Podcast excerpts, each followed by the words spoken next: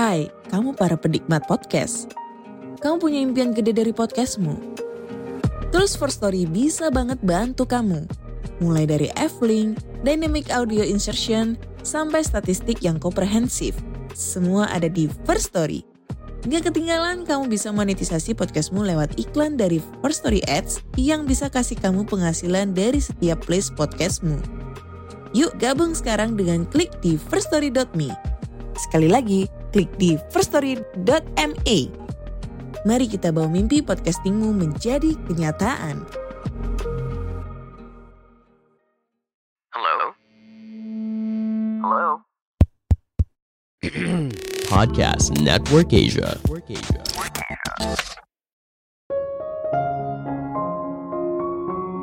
Jangan gegabah dalam memutuskan untuk resign. Namanya bekerja pasti ada kesulitan yang kamu hadapi. Halo semuanya, nama saya Michael. Selamat datang di podcast saya, Sikutu Buku. Kali ini saya akan membahas bagaimana cara keluar dari tempat kerja dengan benar. Ini merupakan rangkuman dari video TED Talk Gala Jackson yang berjudul How to Quit Your Job Without Ruining Your Career dan diolah dari berbagai sumber. Keluar dari tempat kerja memang tidak mudah. Ada yang sudah bekerja dalam lingkungan yang toksik tapi tetap tidak bisa keluar. Ada juga yang keluar dalam keadaan yang buruk, misalnya marah-marah atau saling berteriak. Keluar dari tempat kerja dalam keadaan baik-baik saja sangatlah penting. Hal ini bisa membantu karirmu ke depannya. Tentunya kamu masuk baik-baik saja. Kalau bisa keluar juga dalam kondisi yang baik. Tapi ada kalanya keluar dari sebuah pekerjaan merupakan momen untuk mengenal diri dengan lebih baik. Kamu jadi lebih tahu apa yang kamu inginkan, suasana kerja seperti apa yang kamu mau, jenis pekerjaan apa yang kamu sukai, dan sebagainya. Ini adalah momen ketika kamu keluar dari status quo dan melihat hidup dari sudut pandang yang berbeda. Sebelum kita mulai, buat kalian yang mau support podcast ini agar terus berkarya, caranya gampang banget. Kalian cukup klik follow. Dukungan kalian membantu banget supaya kita bisa rutin posting dan bersama-sama belajar di podcast ini.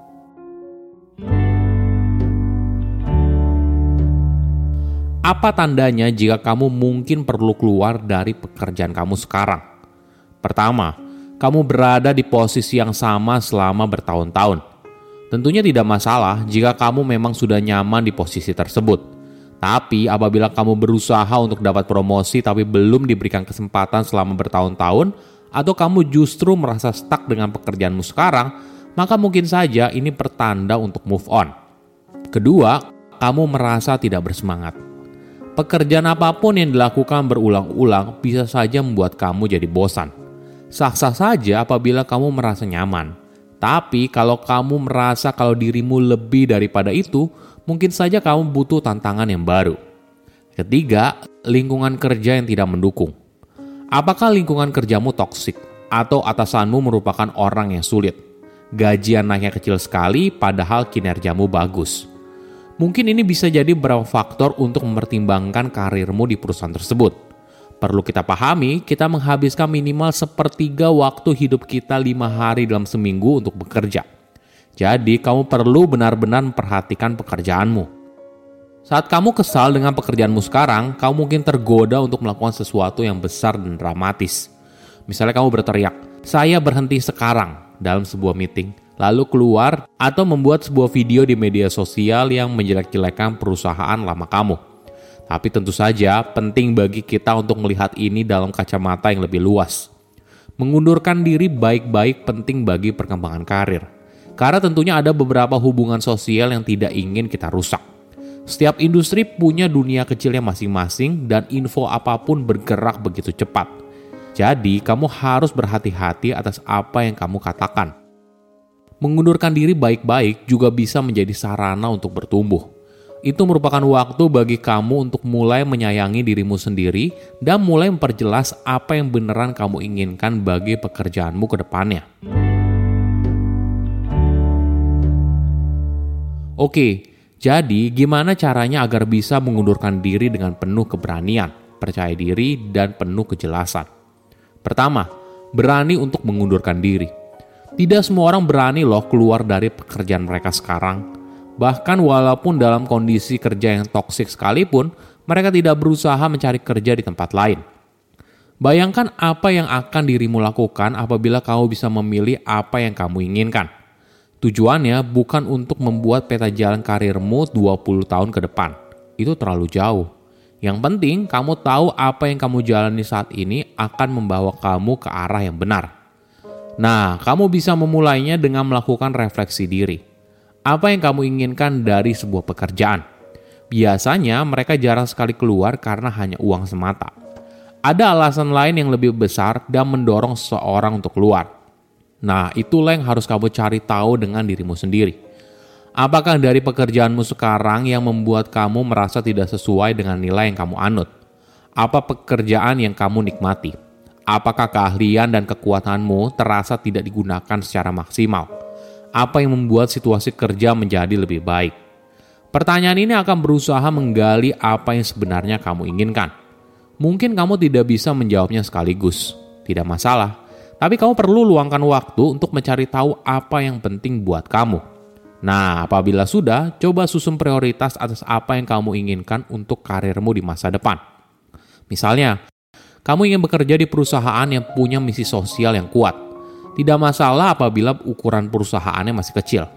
Mungkin kamu lebih cocok dengan tipe pekerjaan yang sifatnya kreatif. Atau mungkin saja kamu tertarik dengan perusahaan yang punya skema saham bagi karyawan. Oke, jika sudah, terus apa? Saatnya kamu buat tujuan yang konkret. Tapi bukan sesuatu yang sudah punya hasil yang jelas, misalnya harus dapat pekerjaan baru dalam tiga bulan ke depan. Bukan, tapi membuat sebuah tujuan yang penekanannya lebih kepada proses, karena hal ini yang ada dalam kendali kamu. Misalnya, setiap minggu saya akan berusaha kontak seorang yang baru di industri saya, atau di jaringan yang saya punya saat ini. Atau setiap harinya selama 90 hari ke depan, saya akan meluangkan waktu 45 menit untuk mencari pekerjaan secara online. Fokusnya adalah membangun kebiasaan yang bisa membantu kamu mencapai tujuan yang kamu inginkan. Harapannya, cara ini bisa membantu kamu lebih dekat pada hasil yang kamu inginkan. Kedua, percaya diri untuk mengundurkan diri. Apa artinya? Artinya kamu tahu apa yang kamu lakukan dan situasi kamu saat ini. Jika kamu keluar dari pekerjaan sekarang tanpa pekerjaan baru, maka kamu harus sudah menghitung berapa banyak tabungan yang kamu miliki untuk menjadi buffer selama kamu mencari pekerjaan. Jumlahkan semua pengeluaranmu tiap bulan, lalu kalikan 3 atau 6 bulan. Nah, angka itu bisa berfungsi sebagai safety net dan dana darurat. Intinya, jangan sampai keputusanmu untuk keluar justru membuatmu kaget karena kondisi keuanganmu memburuk di masa depan. Selain soal keuangan, penting juga untuk tetap menjaga hubungan dengan karyawan lain di tempat kamu bekerja sekarang. Misalnya, kamu memberitahu kepada beberapa teman dekatmu tentang keputusanmu untuk pindah Nah, kamu mungkin bisa juga menghubungi beberapa senior leader yang ada di kantormu sekarang. Jadwalkan pertemuan dengan mereka. Kenapa kamu tertarik dengan orang itu? Apa yang ingin kamu pelajari dari dia? Tidak ada yang tahu, mungkin saja di masa depan hubungan sosial ini akan membantumu dalam karir. Oke, tapi perlu dipahami, mengundurkan diri tidak selalu jadi opsi terbaik Mungkin saja sekarang bukan waktu yang tepat untuk kamu keluar. Apa pertimbangannya? Pertama, kamu tidak punya rencana. Ya mungkin saja kamu tidak punya tawaran pekerjaan setelah mengundurkan diri. Tapi yang jauh lebih penting, kamu harus tahu kamu mau ngapain. Oke, sekarang kamu berhenti kerja. Kamu mau apa? Apakah misalnya kamu mau fokus pada keluarga, fokus bisnis, mengambil kursus, atau kuliah lagi? Penting untuk jadi pertimbangan sebelum kamu memutuskan untuk mengundurkan diri. Kedua, kamu tidak punya tabungan yang cukup. Jika mengundurkan diri membuat kondisi keuangan kamu memburuk, mungkin kamu perlu berpikir ulang. Apakah sekarang waktu yang tepat? Ketiga, keputusan yang gegabah. Seringkali dalam kondisi kesal, kita mungkin berucap atau memutuskan sesuatu yang buat kita menyesal di kemudian hari Misalnya kamu langsung memutuskan untuk resign ketika atasan kamu menegur tugas yang kamu kerjakan. Tipsnya, ketika kamu memutuskan untuk resign, coba tahan dirimu dulu. Jangan ambil keputusan apa pun. Buatlah keputusan setelah kamu sudah menimbang baik dan buruknya dengan matang. Silahkan komen di kolom komentar pelajaran apa yang kalian dapat ketika tahu informasi ini. Saya undur diri, jangan lupa follow podcast Sikutu Buku. Bye-bye. Pandangan dan opini yang disampaikan oleh kreator podcast, host, dan tamu tidak mencerminkan kebijakan resmi dan bagian dari podcast Network Asia. Setiap konten yang disampaikan mereka di dalam podcast adalah opini mereka sendiri dan tidak bermaksud untuk merugikan agama, grup etnik, perkumpulan, organisasi, perusahaan, perorangan, atau siapa pun dan apa pun.